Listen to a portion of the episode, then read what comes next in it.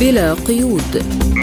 برنامج واسع الطيف نطلعكم فيه على آخر المستجدات على الساحة العربية والعالمية. حصريا من إذاعة سبوتنيك.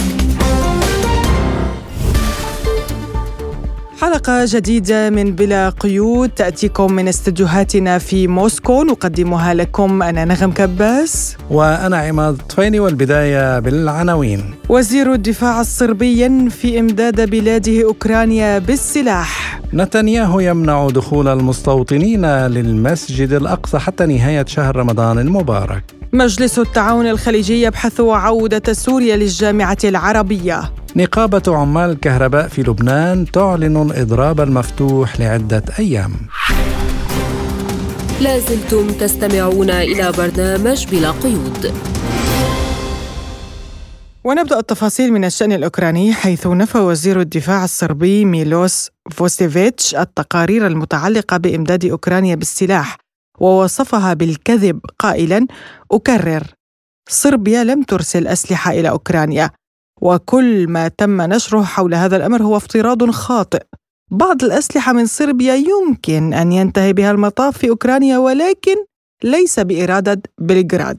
وأوضح أن هذا يمكن أن يحدث بسبب عدم امتثال الدول للمعاهدات الثنائية وأن هناك من كان ينوي إقحام صربيا في الصراع بين روسيا وأوكرانيا لكن بلغراد تلتزم باستمرار بسياستها وأما عن الميدان وما يحدث في جمهورية دانيتسك الشعبية قال لبرنامجنا راندي كريديغو المذيع الأمريكي والناشط السياسي الساخر والناشط المناهض للحرب والذي زار جمهورية دانيتسك الشعبية لأول مرة وأصبح مقتنع بأن القوات الأوكرانية كانت تضرب اهدافا مدنية في دانيتسك من أجل ترويع السكان.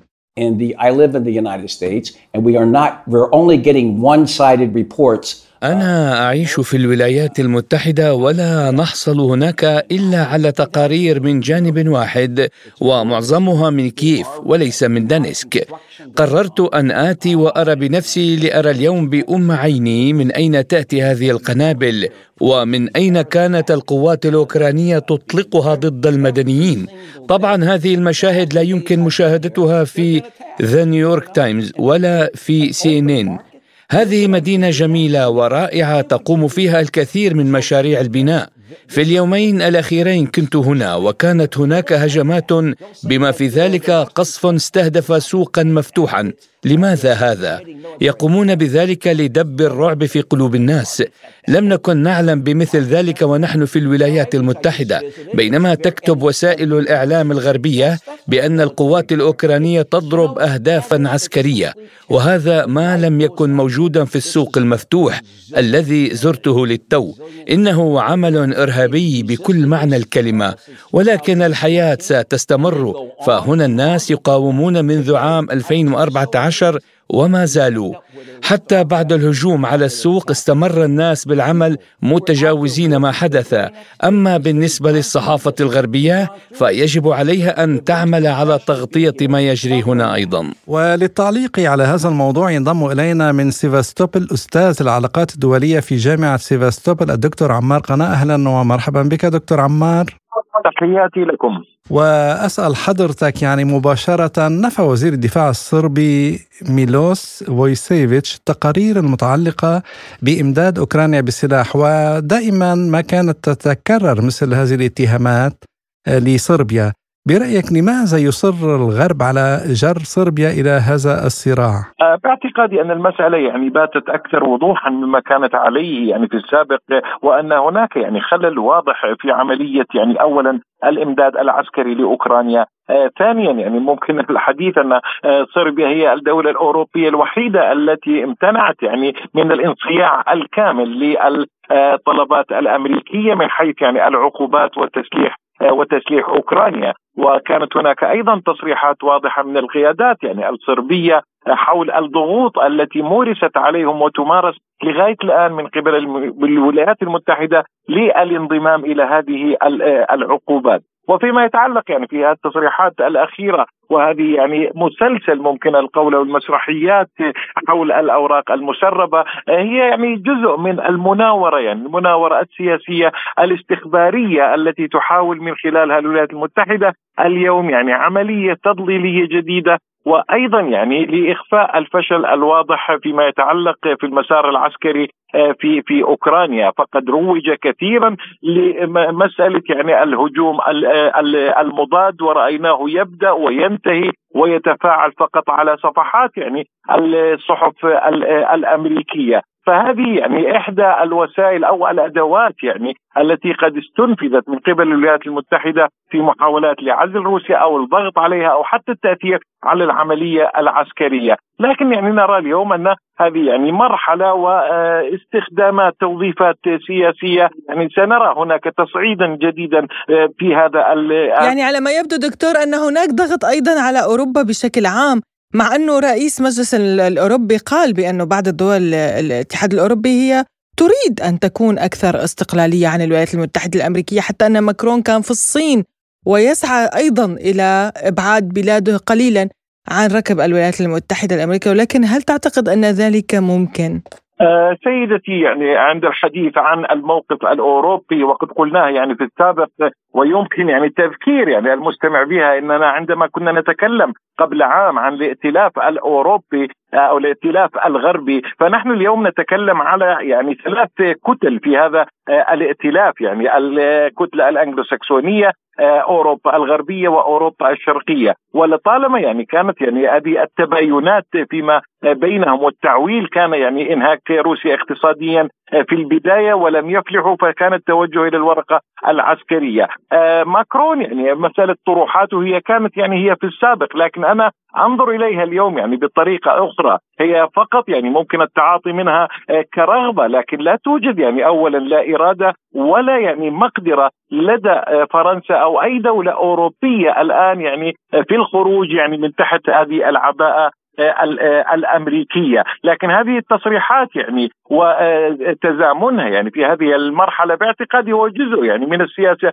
الداخلية يعني الفرنسية وهي الهروب يعني إلى الأمام لأنه اليوم الرئيس ماكرون لا يمكن التعاطي معه كرئيس شرعي حتى لفرنسا ضمن الظروف التي نراها اليوم والاستقطابات في الشارع في الشارع الفرنسي. فلذلك يعني أوروبا الغربية هي قد تورطت وورطتها الولايات المتحدة. الخروج فقط يعني يمكن أن يكون من خلال واشنطن إن كانت واشنطن مستعدة للتفاوضات يعني الدولية والتي ستكون على طاولة ثلاثية ما بين روسيا والصين آه، يعني والولايات آه، المتحدة آه، يعني استغلت أوروبا ووظفت سياسيا وباتت وقودا يعني جديدا لهذه الأزمة الجيوسياسية على الأراضي الأوكرانية، فلا أعتقد أنه بإمكان أي دولة أو طرف أوروبي اليوم الخروج يعني وعدم الرضوخ للإرادة الأمريكية في المرحلة الحالية والمرحلة القادمة قريبا.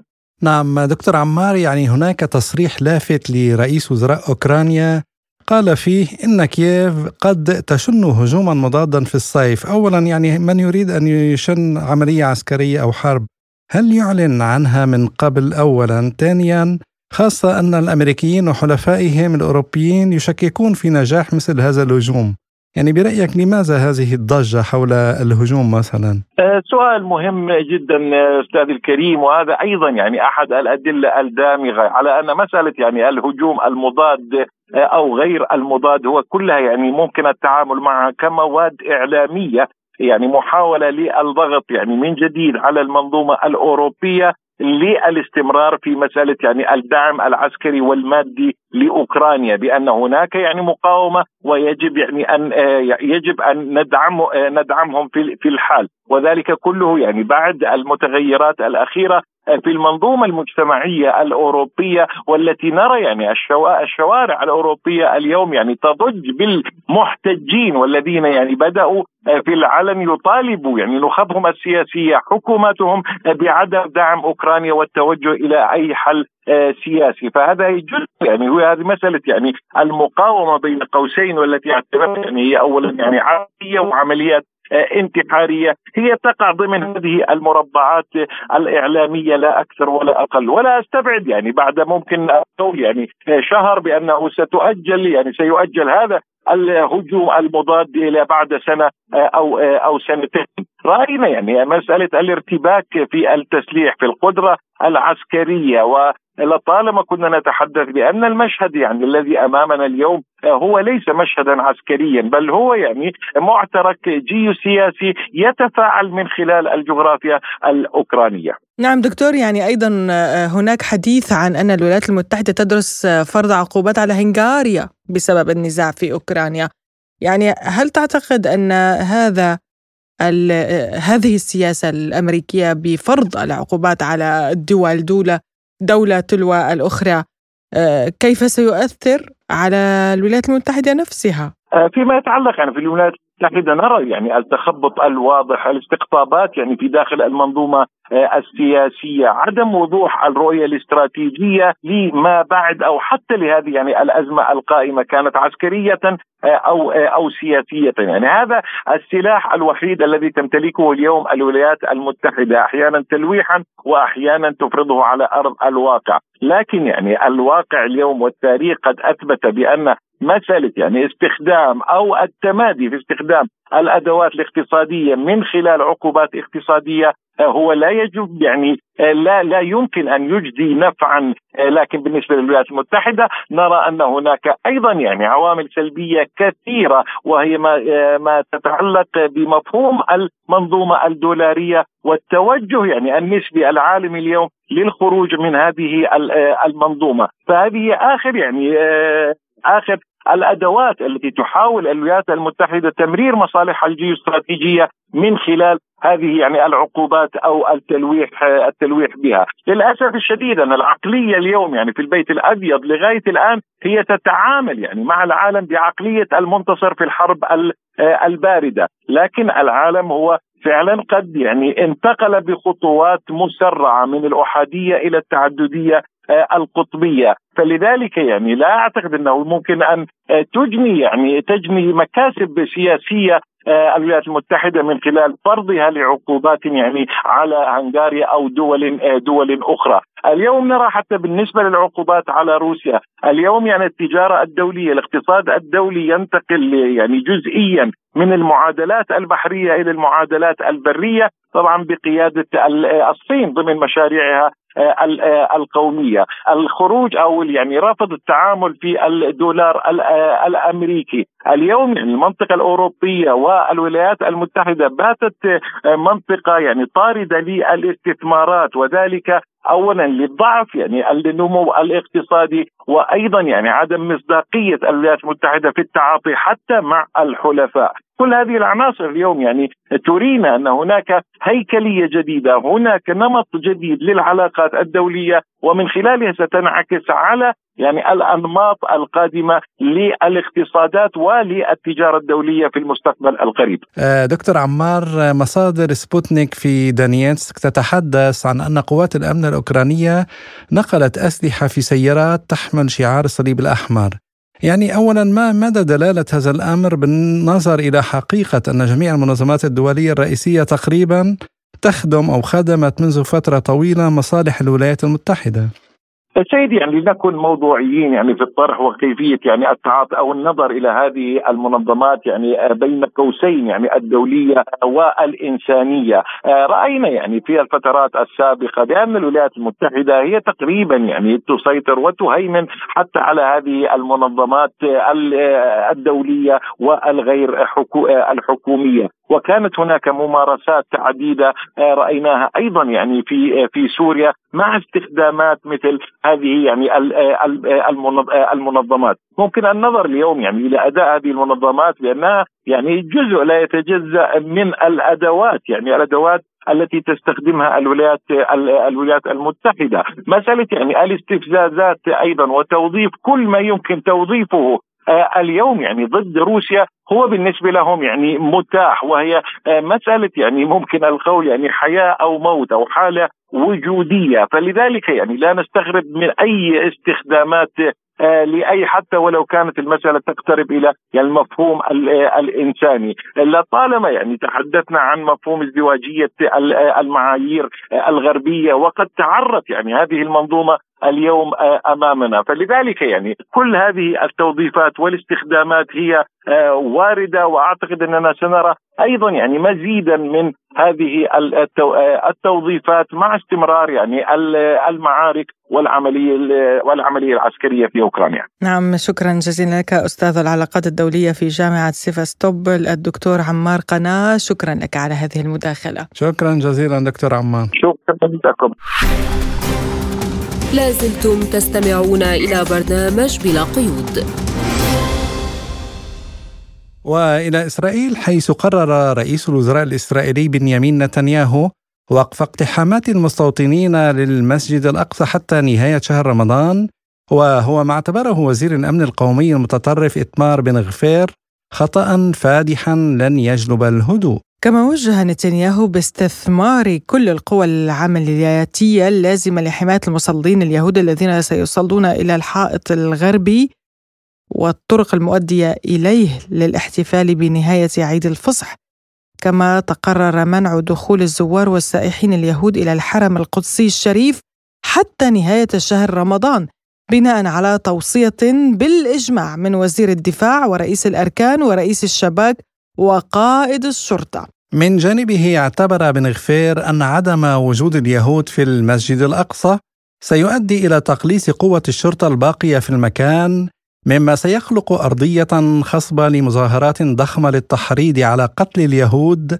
وحتى سيناريو إلقاء الحجارة على المصلين اليهود عند الحائط الغربي.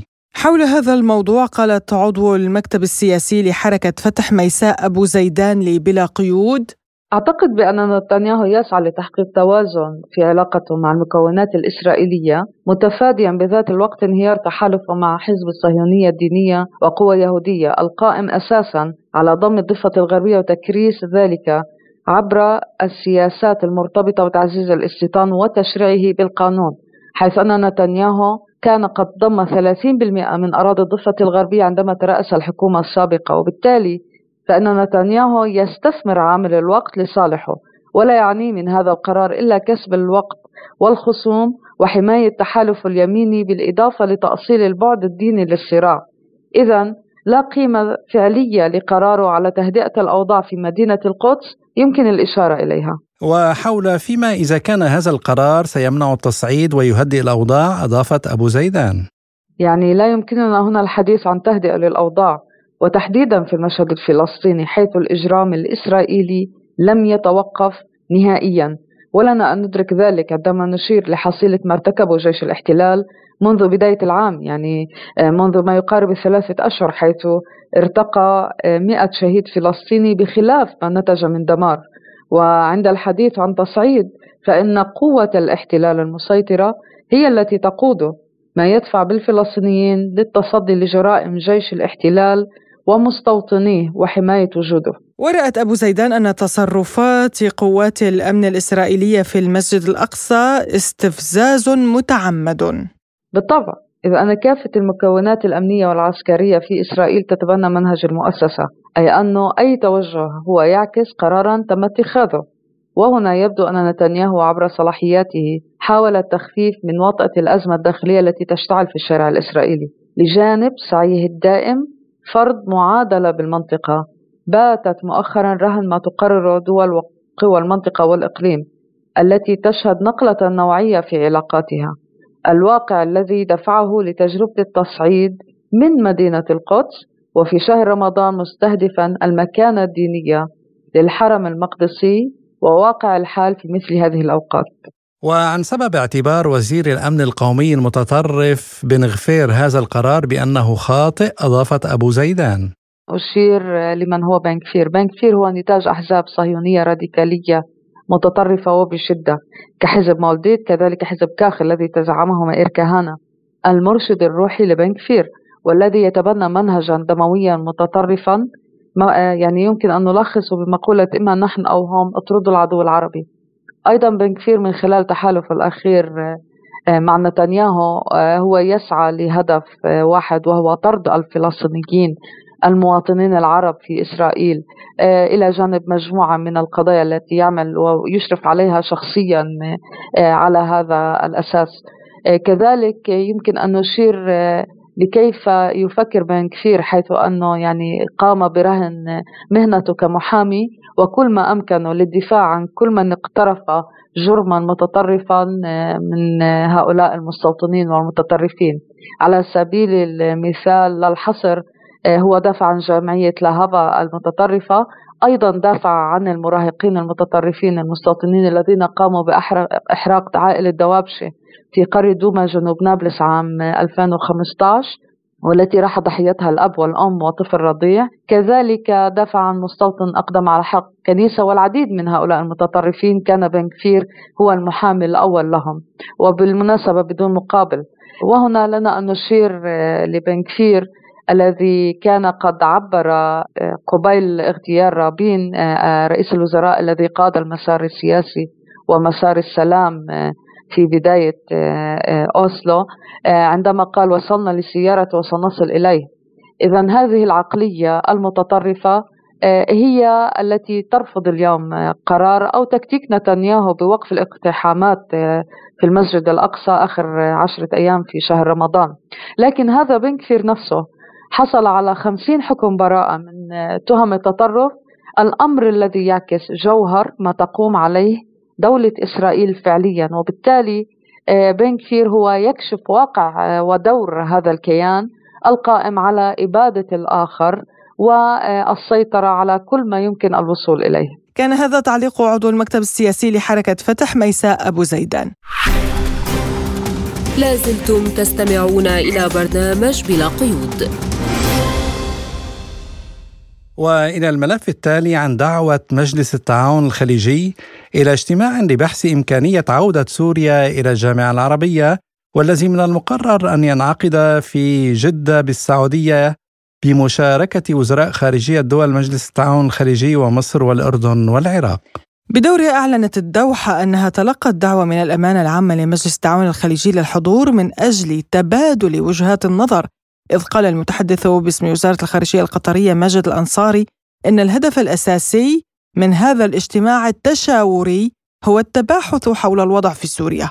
وللحديث حول هذا الموضوع ينضم إلينا عبر الهاتف من الدوحة الخبير في الشؤون الخليجية الدكتور علي الهيل. أهلا بك دكتور علي ما هي التوقعات التي ستنتج عن هذا الاجتماع وهل تعتقد أن الأمور أصبحت جاهزة لتوافق خليجي كامل حول عودة سوريا للجامعة؟ قد يبدو اجتماع اليوم بروتوكوليا وروتينيا لأن عقبه الكبرى أزيلت أمام العلاقات السعودية الإيرانية وتم إعادة تدشينها في بيجين طبعا تم تدشينها في بيجين هذه قضية لوحدها. يعني هذا زلزال سياسي كبير نظر إليه على أنه كان بركانا سياسيا كبيرا استاء منه الأمريكيون واستاء منه الأوروبيون. وإن كانوا لم يظهروا الاستياء بما يكفي إلى العلن الإعلامي. اليوم آه إعادة العلاقات أو إعادة تدشين العلاقات السعودية الإيرانية بعد القطيعة الثالثة في تاريخ العلاقات الإيرانية السعودية لم يعد ثمة آه، حاجز بين آه، العالم العربي أو الدول العربية المعترضة على عودة سوريا إلى مقعدها الشاغر في جامعة الدول العربية. نعم دكتور يعني حضرتك ذكرت انزعاج الغرب من أي خطوة باتجاه ضمان استقرار المنطقة، كيف سيكون رد فعل الغرب والولايات المتحدة برأيك في حال عاده سوريا وتوافق مجلس التعاون على هذه العودة؟ الدول التي كانت حليفة أو ما تزال هي حليفة استراتيجية للولايات المتحدة الأمريكية لم تعد تصغي للولايات المتحدة الأمريكية وبدرجات متفاوتة إلى دول الغرب مثل المملكة العربية السعودية كما لاحظنا في من خلال تصريحات كثيرة ومن خلال أحداث كثيرة والحدث الحالي حدث عودة العلاقات من بيجين وانضمام السعودية إلى منظمة دول شنغهاي. وربما أيضا الانضمام إلى مجموعة البريكس بقيادة الصين. طبعا الولايات المتحدة الأمريكية لن تكون راضية عن إعادة العلاقات الخليجية العربية مع سوريا. آه، نظرا للمقاطعة التي تفرضها وقانون قيصر آه، الذي تفرضه الولايات المتحدة الأمريكية على سوريا وبدرجات متفاوتة الغرب أيضا لن يكون راضيا عن ذلك لأن الغرب وخاصه بريطانيا لأنها هي الحليفة الاستراتيجية الأقوى في داخل دول الاتحاد آه، الأوروبي. ولكن العالم العربي اليوم عاد إليه الوعي السياسي وشب عن الطوق وبدأ يبحث عن مصالحه خاصة أن الولايات المتحدة الأمريكية خيبت ظن السعودية كثيرا ومن ضمن هذه المرات الكثيرة عندما قصفت في 2019 منشآت بقيق وخريص وهي من منشآت أرامكو والشركة العملاقة العالمية وحينها صرح ترامب رغم أنه حصل على الكثير من الأموال من المملكة العربية السعودية في أثناء القمة السعودية الأمريكية الأمريكية العربية والأمريكية الخليجية. ومع ذلك صرح ترامب بأن الذي حدث حدث في السعودية ولم يحدث في أمريكا وهذا أمر خاص بالمملكة العربية السعودية. هذا ما قاله ترامب. ثم سحب صواريخ أو بطاريات صواريخ الباتريوت من المملكة العربية السعودية ومنذ ذلك الوقت. وقبل مجيء آه، إدارة بايدن والمرارة السياسية إذا يمكن أن أن توصف عند السعوديين تجاه الولايات المتحدة الأمريكية وعلى أساسها تمت كل الخطوات السعودية في اتجاه الصين وروسيا. والإيمان أو التأييد عالم متعدد الأقطاب خارج القطب الواحد اللي هو القطب الأمريكي البريطاني اليوم عودة العلاقات السورية العربية يعني التخفيف من أضرار العقوبات الأمريكية هل تتوقع أن تقوم الولايات المتحدة برفع بعض العقوبات تحت ضغط هذه المصالحة؟ يمكن أن يحدث ذلك لأن أسقط الآن في يد أمريكا لم تعد الدول الحليفة استراتيجيا لها وخاصة السعودية على مدى ثمانية عقود من الزمن من العلاقات الاستراتيجية السياسية والاقتصادية وغيرها مع المملكة العربية السعودية. لم تعد هذه هذه الدولة وغيرها تصغي للولايات المتحدة الأمريكية وقالت لا للولايات المتحدة الأمريكية في أكثر من موقع. على سبيل المثال في سوبر في أوبك بلس تقف اليوم المملكة العربية السعودية مع مع روسيا ومع الجزائر ومع آه، سبع دول أخرى التي قامت بتخفيض الإنتاج النفطي لرفع الأسعار وهي للمرة الثانية المرة الأولى كانت في أكتوبر تشرين الأول وهذه المرة قبل أسبوعين وهذا أيضا أثار استياء الولايات المتحدة الأمريكية وأيضا السعودية لم تصغي للولايات المتحدة الأمريكية وقالت أن هذا يتعلق بتوازنات السوق واستقرار السوق النفط. الخبير في الشؤون السياسية والخليجية الدكتور علي الهيل كنت معنا عبر الهاتف من الدوحة. شكرا لك دكتور. وللمزيد حول نفس الموضوع ينضم إلينا عبر الهاتف من دمشق المحلل السياسي مهند الحج علي أهلا بك أستاذ مهند. بداية يعني ما أهمية هذه العودة لسوريا؟ وهل تتوقع أن هناك توافق بين دول الخليج كافة حول هذا الموضوع؟ طبعا في البداية أنا برأيي أن هذا الاجتماع جاء نتيجة جهود كبيرة قامت بها الدبلوماسية السورية طبعا بالتعاون مع حتى مع الدبلوماسية الروسية. يعني نحن نذكر منذ عام ونيف كان هناك جولة للسيد لافروف على مستوى كل دول الخليج وأدت إلى تقريب وجهات النظر، اليوم آه، أيضا الإقليم بمجمله هو يسير إلى طبعا آه، مسار تسويات كبرى وعودة سوريا أو عودة آه، العرب إلى سوريا. دعنا نقول دعينا نقول بمعنى أدق هو عامل مهم في هذا الاستقرار. ولا يمكن الاستثمار بدون استقرار وبالتالي ولا يمكن أن نوجد استقرار بدون سوريا. آه، بالنسبة لمجلس التعاون الخليجي طبعا أنا برأيي أن عقد هذا الاجتماع ما كان ليتم لولا أن هناك نوع من أنواع التوافق سواء كان على مستوى دول التعاون أو حتى بين مجلس التعاون الخليجي وسوريا طبعا عبر الوسطاء. لاحظنا منذ عدة أشهر كان هناك تصريحات إيجابية بين سوريا والسعودية وطبعا والتي هي تعتبر من كبرى دول مجلس التعاون الخليجي. كان هناك مجهود إماراتي كبير جدا أيضا وعماني لتقريب وجهات النظر. طبعا أيضا التسوية السعودية اليمنية هي ترخي بظلالها على هذا الموضوع بكل تأكيد والتسوية السعودية الإيرانية هي تلقي بظلالها أيضا على هذا الموضوع. أنا أعتقد أن مجمل دول الخليج. هي ترغب بعودة الوفد السوري إلى مقعده في الجامعة العربية. تبقى لدينا دولة واحدة وهي قطر. ونحن نعلم أن ما زال موقفها حتى هذه اللحظة يعني هو آه، متشبث بالآراء القديمة. يبدو أن هذا الاجتماع أتى لمناقشة هذا الموضوع ولإقناع قطر بالعدول عن رأيها وتغيير سياساتها اتجاه سوريا. كون أن الجميع غير سياسته اتجاه سوريا ولا يجد حلا في التخلص من الفائض الإرهابي الموجود الذي قد ينعكس سلبا على كل دول الإقليم ويزعزع الأمن والاستقرار. أيضا الوضع الاقتصادي الصعب الذي لا يمكن تفاديه إلا بالتعاون دول الجوار سوريا ومجلس التعاون الخليجي معها. كل هذه العوامل برأيي آه، يعني هي عوامل ضغط حتى تستخدمها دول المجلس على قطر من أجل تغيير سياساتها، طبعا نحن نأمل في سوريا ننظر بإيجابية كبيرة. لهذا الموضوع وهي خطوة متقدمة وسوريا متجاوبة لأبعد الحدود وخاصة مع أشقائها العرب في أي نوع من أنواع التسوية، سوريا طبعا ليس لديها شروط، هناك حقوق للشعب السوري يجب أن يحصل عليها، خطها إدانة الإرهاب، إدانة التواجد الأجنبي أو الاحتلالات الأجنبية كالتركي وحتى الأمريكي الوجود الغير شرعي في سوريا ومساعدة الشعب السوري على في عملية إعادة الأعمار، يعني هذا أقل ما يقدم إلى شعب صمد وحارب 11 عاما ضد ضد تنظيمات إرهابية آه، لو انتصرت لا سمح الله لكانت هددت الأمن والاستقرار في كل دول المنطقة وانعكس الإرهاب على كل المنطقة، لذلك هذا الشعب نستطيع أن نقول أنه شعب فادي فدى كل الشعوب العربية بدمائه ويستحق كل الدعم والتقدير.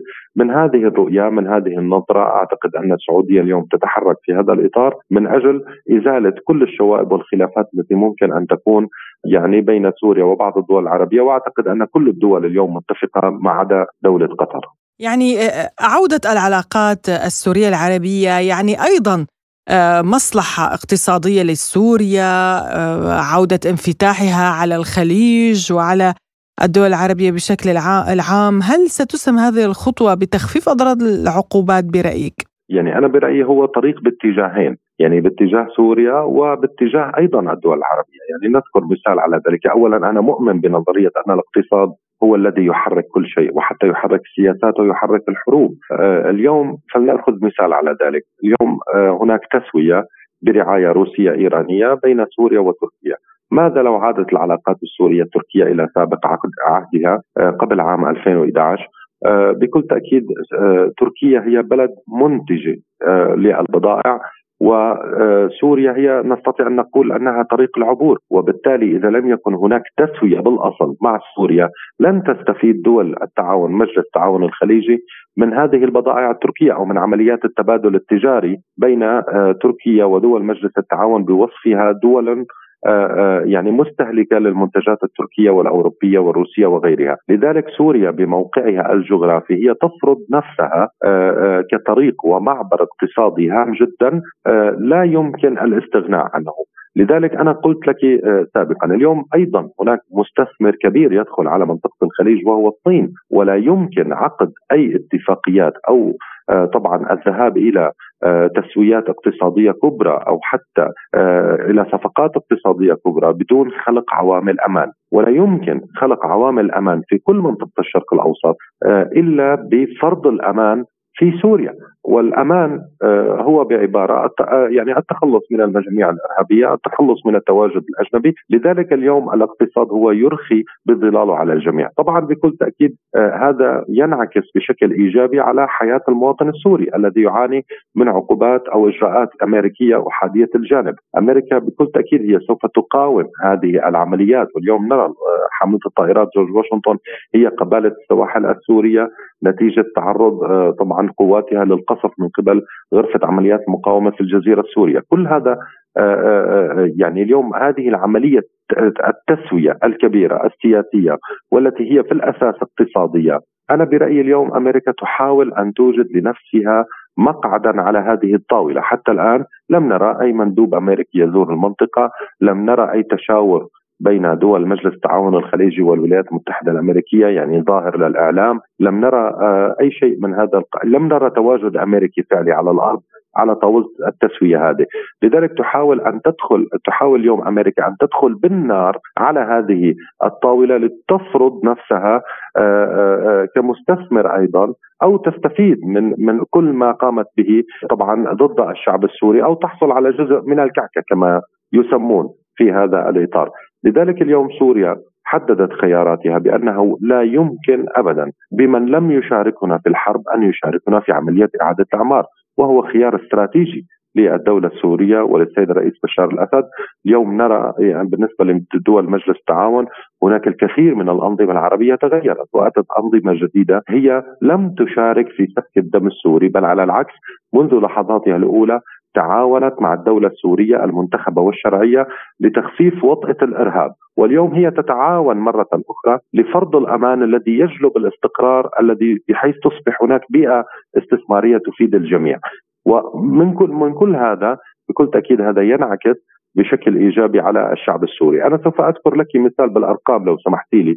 اليوم عمليات التبادل التجاري آه، فقط عبور الترانزيت البضائع التركية أو القادمة من أوروبا وروسيا برا أو جوا عبر عبر سوريا الأراضي السورية أو الأجواء السورية التي كانت تذهب لدول الخليج وأفريقيا كانت تقدم للشعب السوري أو لموازنة الدولة ما يقارب 7 مليار دولار سنويا. وبالتالي هذا رقم كبير جدا بالنسبة لاقتصاد صغير آه، مثل سوريا، اليوم إذا عادت هذه العلاقات وخاصة مع دول الجوار لن تنعكس فورا يعني لن تنعكس فقط على الشعب السوري بالإيجاب بل سوف تنعكس أيضا على الاقتصاد اللبناني والاقتصاد العراقي وحتى الأردني. ونحن نعلم أن كل هذه الدول المحيطة بسوريا وحتى الاقتصاد التركي الذي بدأ يتأثر نتيجة القطيعه مع سوريا. المحلل السياسي مهند الحاج علي كنت معنا عبر الهاتف من دمشق، شكرا لك على هذه المداخلة. لازلتم تستمعون إلى برنامج بلا قيود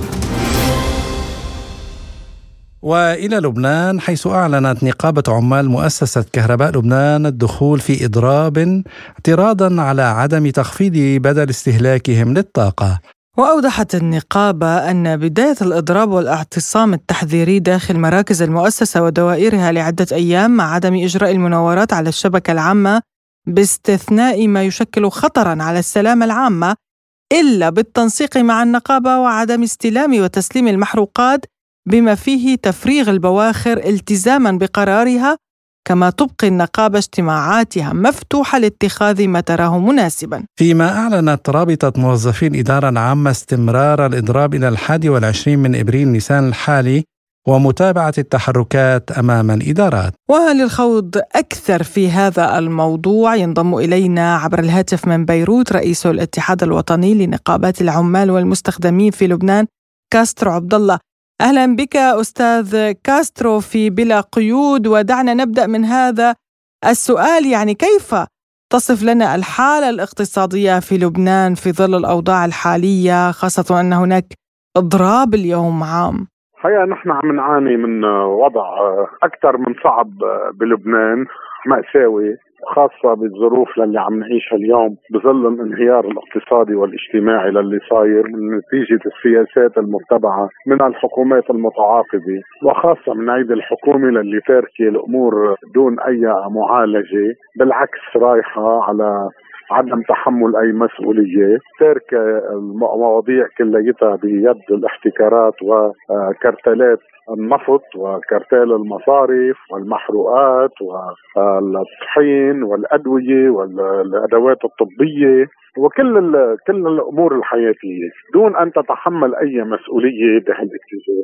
بما فيها موضوع الأجور والتقديمات الاجتماعية إن كان للعاملين بالقطاع العام ولا العاملين بالقطاع الخاص. ولكن للأسف حتى يعني نحن بدأنا نشعر بخوف حقيقي اليوم من انزلاق البلد نحو الأزمة آه، بتهدد السلم الأهلي صارت وبتهدد المجتمع بكل مقوماته. اليوم نحن عندنا عملية فراغ بكل شيء يعني حتى القوى الأمنية ما بتقدر تتحرك. بتقلها في سرقة هون بتقلها في مشكل هون بتقلها في اعتداء هون. بتقول منه قادرين ما عاد عندهم إمكانية تحرك لهذا الشيء. اثنين بقول لك أنا إذا بدي أتحرك مين بيحميني ومين المسؤول عني وإلى آخره. اثنين تعطيل آه هذا الشيء من خلال تبادل مصالح للقوى السياسية بعدم انتخاب آه، رئيس للجمهورية وعدم استكمال يعني العملية السياسية من خلال انتخاب الرئيس وصولا لتشكيل حكومة ووضع آه، خطة نهوض ومعالجة وآليات للحل الأزمة بالبلد. وكلياته هذا عم ينعكس واليوم للي عم نشوفه الانهيار الشامل الدولار وصل من أسبوعين على ال 145 ألف ليرة اليوم يعني ما دون ال 100 ألف بس ما بنعرف بعد ساعة شو بصير نتيجة اللعب للي عم بيصير. وهيدا القطاع العام اليوم هو بإضراب ومعطل كله سوا. الأسبوع آه، الماضي كانت الاتصالات وجاره معهم اضربي اليوم الكهرباء اللي أعلنت نقابة عمال مؤسسة كهرباء لبنان دخول في إضراب مفتوح لعدة أيام. يعني وبدون أن يعلنوا الإضراب مؤسسة الكهرباء لا تعمل بشكل طبيعي. يعني يعطون ساعتين وأنتم أدرى بذلك. هل ستزداد الأمور سوءا فيما يخص الكهرباء؟ هيدي المأساة بأنه إضراب موظفي الكهرباء رايحة على الإضراب هلا أول شيء أو عماله إنه حقوق لكن الأزمة إنه نحن الكهرباء مقطوعة آه، ما في علاج من قبل السلطة لهذا القطاع، في نهب لهذا القطاع، في آه، أدخلوا الموتيرات واللي هيدي الموتيرات الخاصة للي عم يتبين إنه هي كمان تابعة من ضمن التحاصص والتقاسم للي عم يعمل موارد مالية كبيرة للمتنفعين والأزلام. وبعض الأحزاب بصراحة لهيدي الأمور. آه، كهرباء ما في غلوا الأسعار. اليوم صار فاتورة الفاتورة الكهرباء المقطوعة عم تجي أو بدأت توصل للناس آه، آه، بالملايين وهو ما عندنا كهرباء للأسف وما عندنا أي علاج لهذه الأزمة. كليته هيدا نتيجة إنه نحن اليوم هذه البلد صار كل شيء مباح فيه.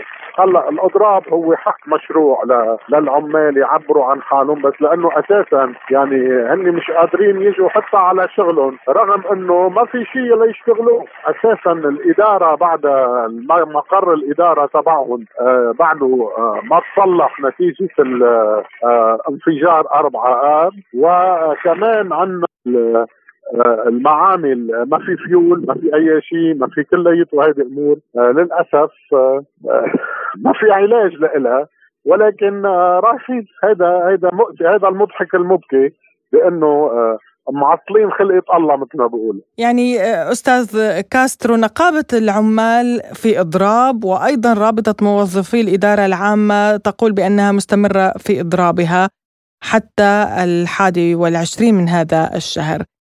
ما هي مطالب هذا القطاع المهم في الدولة اللبنانية؟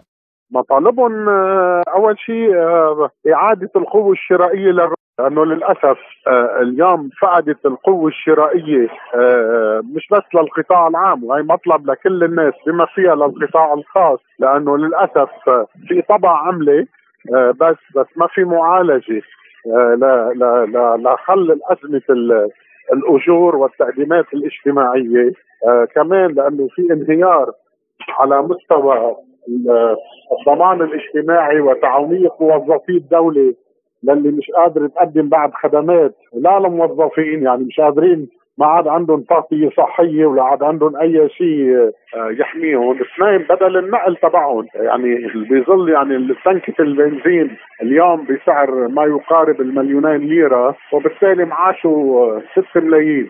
يعني بيقبض ثلاث تنكات بنزين بالشهر. فإذا بده يروح ويجي ما بكفوه. هون لا أكل ولا شرب ولا جاب دواء. وإذا فات على المستشفى بده يدفع كمان بالفريش وبعدها الدولة بالضمان بتحاسب على 1500 وبالتعاونية يمكن حسنوها شوي أكثر بس للأسف بعدنا بنفس المشكلة، يعني في موظفين بالقطاع العام والمتقاعدين يعني حتى الناس اللي عندهم أمراض مستعصية وأمراض سرطانية اليوم متروكين لحالهم، لذلك آه، هذا الأضراب اللي عم بيستمروا فيه كمان بنفس الوقت عم بيوقف المداخيل آه، للدولة، يعني بتعرف موضوع المعاينة موضوع الميكانيك موضوع الدوائر العقاريه للي كليته كمان اليوم جزء منه موقف نتيجة الفساد للي موجود واللي محالين على وما واثنين ما في مقومات شغل.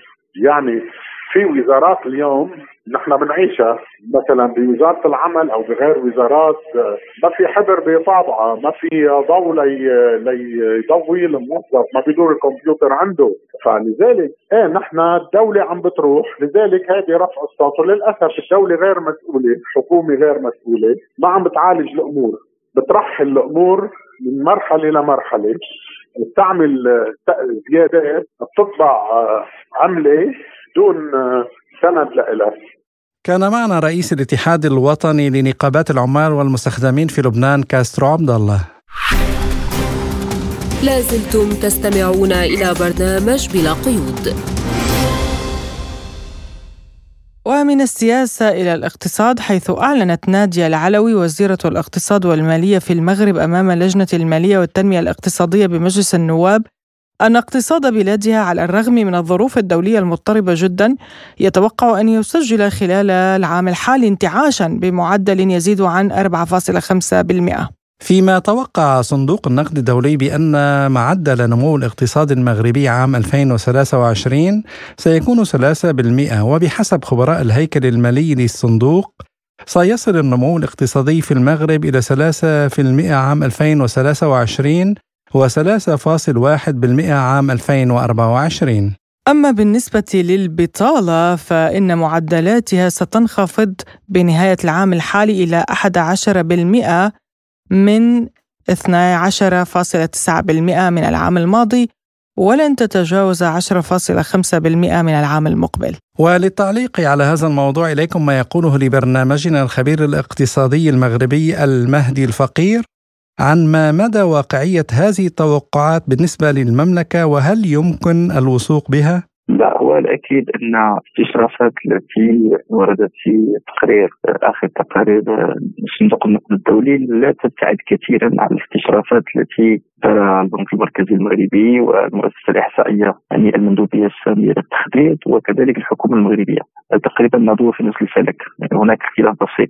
في تقديري هناك عديد العوامل الإيجابية ولكن هناك أيضا عوامل أو تحديات ذات الطابع السلبي. العوامل الإيجابية هو التطور الإيجابي لمجمل المؤشرات الاقتصادية.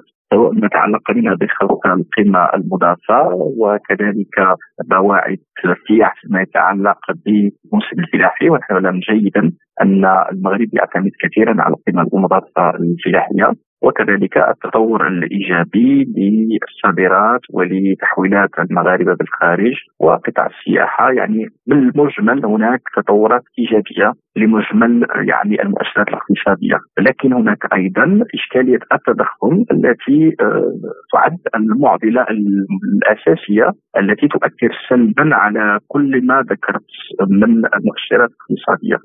وبالتالي الأكيد أن هذه الإشكالية سوف تؤثر سلبيا إلى اشعار آخر على هذه يعني المؤشرات. ولذلك يعني وهذه بطبيعة الحال ظاهرة وإشكالية كونية ليست فقط متعلقة بالمغرب فالتطور غير مسبوق لنسب التضخم يجعل المؤشرات يعني إيجابية إلى حين. فأنا أعتقد أن هذه المؤشرات هي قابلة للتحقيق شرط تتبع دقيق في قادم الأشهر لما يعتمد على الصعيد الدولي أكيد الصدمات الخارجية نحن لسنا بمنأى عنها وكذلك لإشكالية التضخم. وحول تأثير أزمات الطاقة والغذاء على اقتصاد الدولة الواقعة في شمال إفريقيا يقول المهدي الفقير لا بطبيعة الحال الأزمات أدت إلى ارتفاع صاروخي للاسعار وبالتالي استيراد للتضخم. ما نفسه بطبيعة الحال هذا هذا التطور.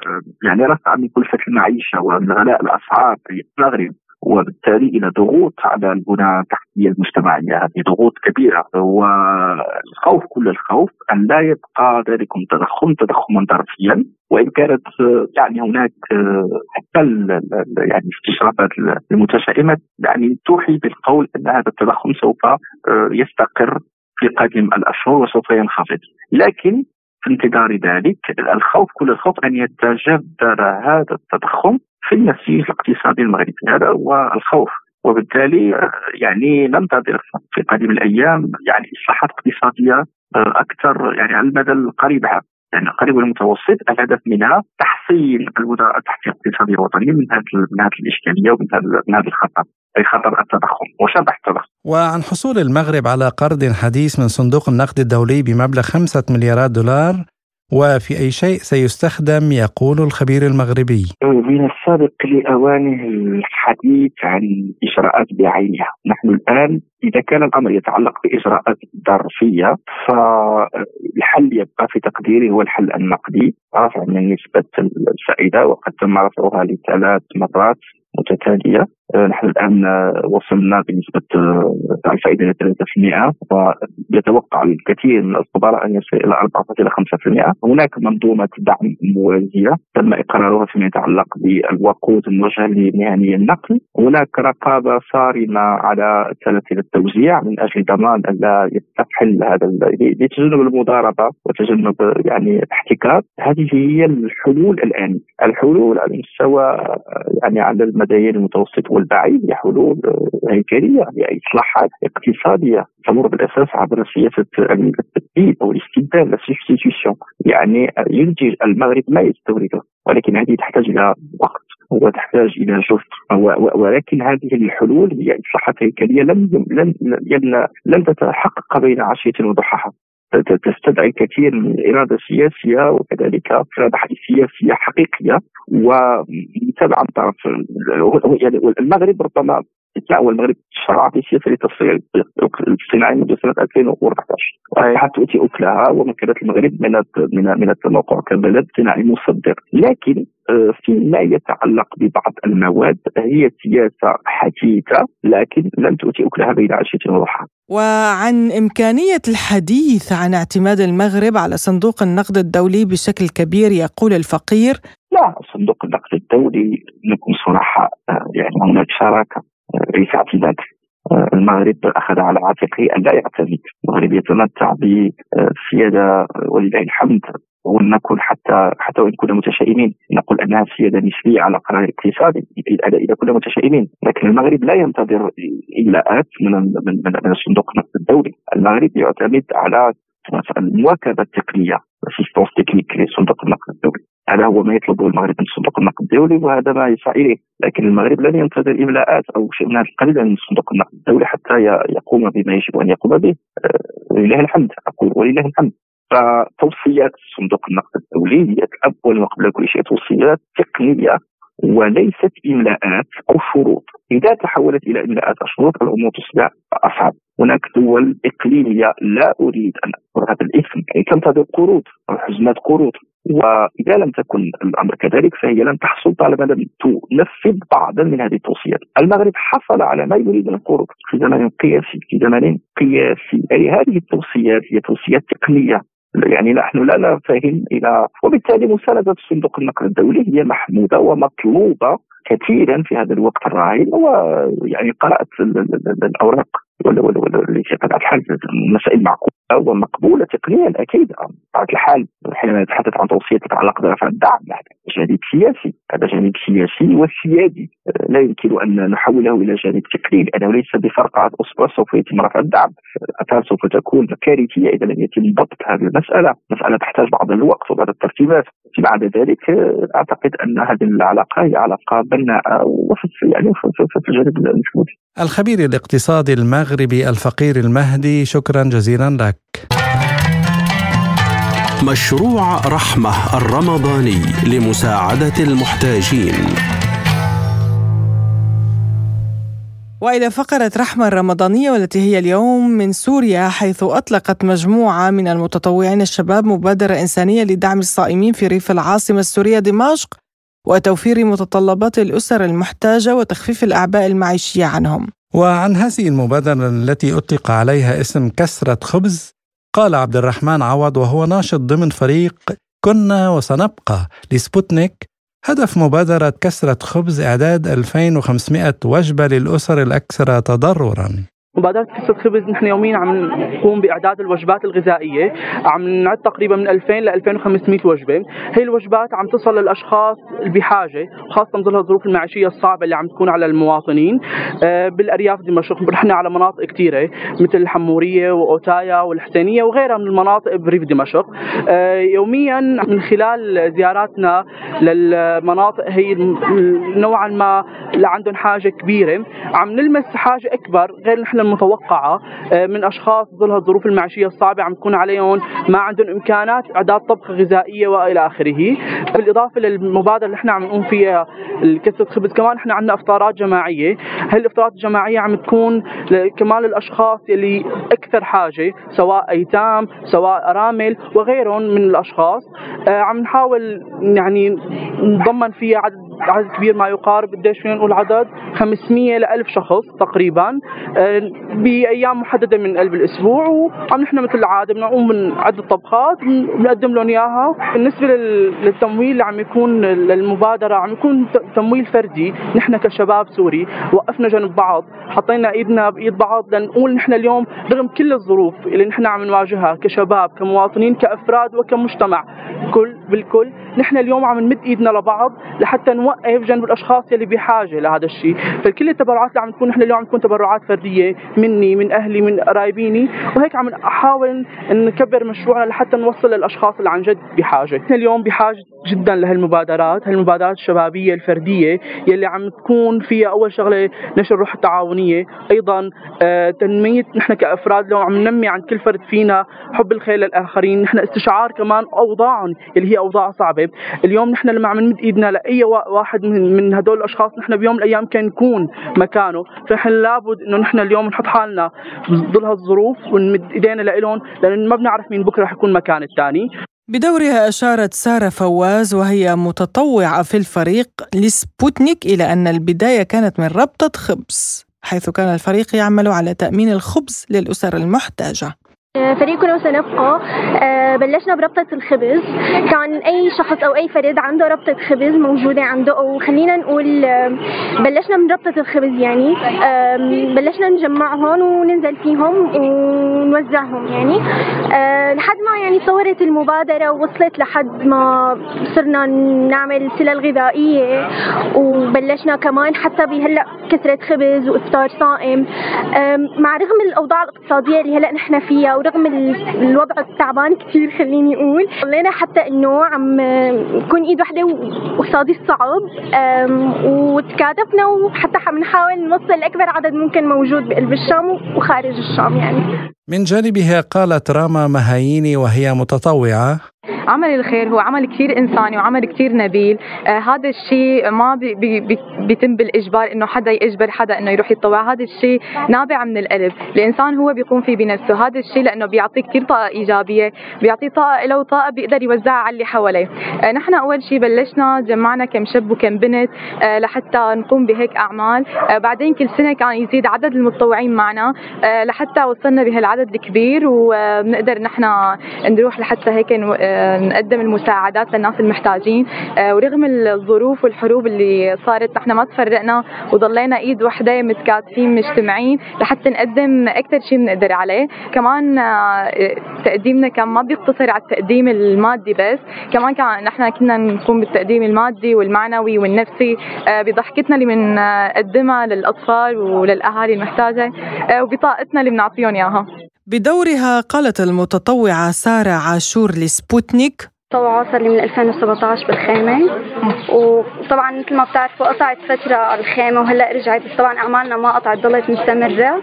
فيعني رجعت لأيام زمان لأول ما بلشت بالخيمة نحن يعني بفترة الأحداث اللي صارت عنا والظروف يعني كثير في عالم ساءت حالتها وكل ما عم تسوء حالتها يعني إن كان شغلهم عم يتراجع أو يعني الأسعار عم تغلى بسبب الظروف اللي عم يعني عم تضغط علينا. فهذا الشيء كثير عم يأثر. سلبا على الأشخاص يعني. وعلى كثير ناس حتى على طبقات كانت يعني مرفهة كثير عم تتاثر فنحن هلأ قدر المستطاع عم نحاول إنه يعني نساعد قدر المستطاع يعني. ونحن كمان بالنهاية عم نعتمد على التبرعات اللي عم تجينا وعم نحاول نأمن أكبر قدر آه، للعالم يعني. كانت صبية متطوعة صار لي من 2017 وقت صارت الظروف. طبعا ما كان فيني أعمل أي شيء بالحياة غير إني ساعد بهدول المبادرات. والحمد لله أنا لسه مستمر لأنه إذا أنا وقفت فما حدا رح يشتغل لازم بلش من حالي. أنا بلش أتطوع بلش أقدم مساعدات بلش ساعد. فيعني الواحد لازم يبلش من نفسه. هذا الشيء يعني تحسي إنك مع يعني نحن بالنهاية الناس لبعضها. ونحن شعب واحد وإيد واحدة لازم نكون ما لازم لازم بقدر المستطاع نساعد بعض لو بأبسط شيء وإلى هنا مستمعينا الكرام نصل إلى ختام حلقة اليوم من برنامج بلا قيود. كنا معكم فيها أنا عماد طفيلي. وأنا نغم كباس وللمزيد من المتابعة زوروا موقعنا الإلكتروني سبوتنيك dot AE وأيضا قناتنا على تليجرام سبوتنيك عربي. وشكرا لإصغائكم وإلى اللقاء. إلى اللقاء.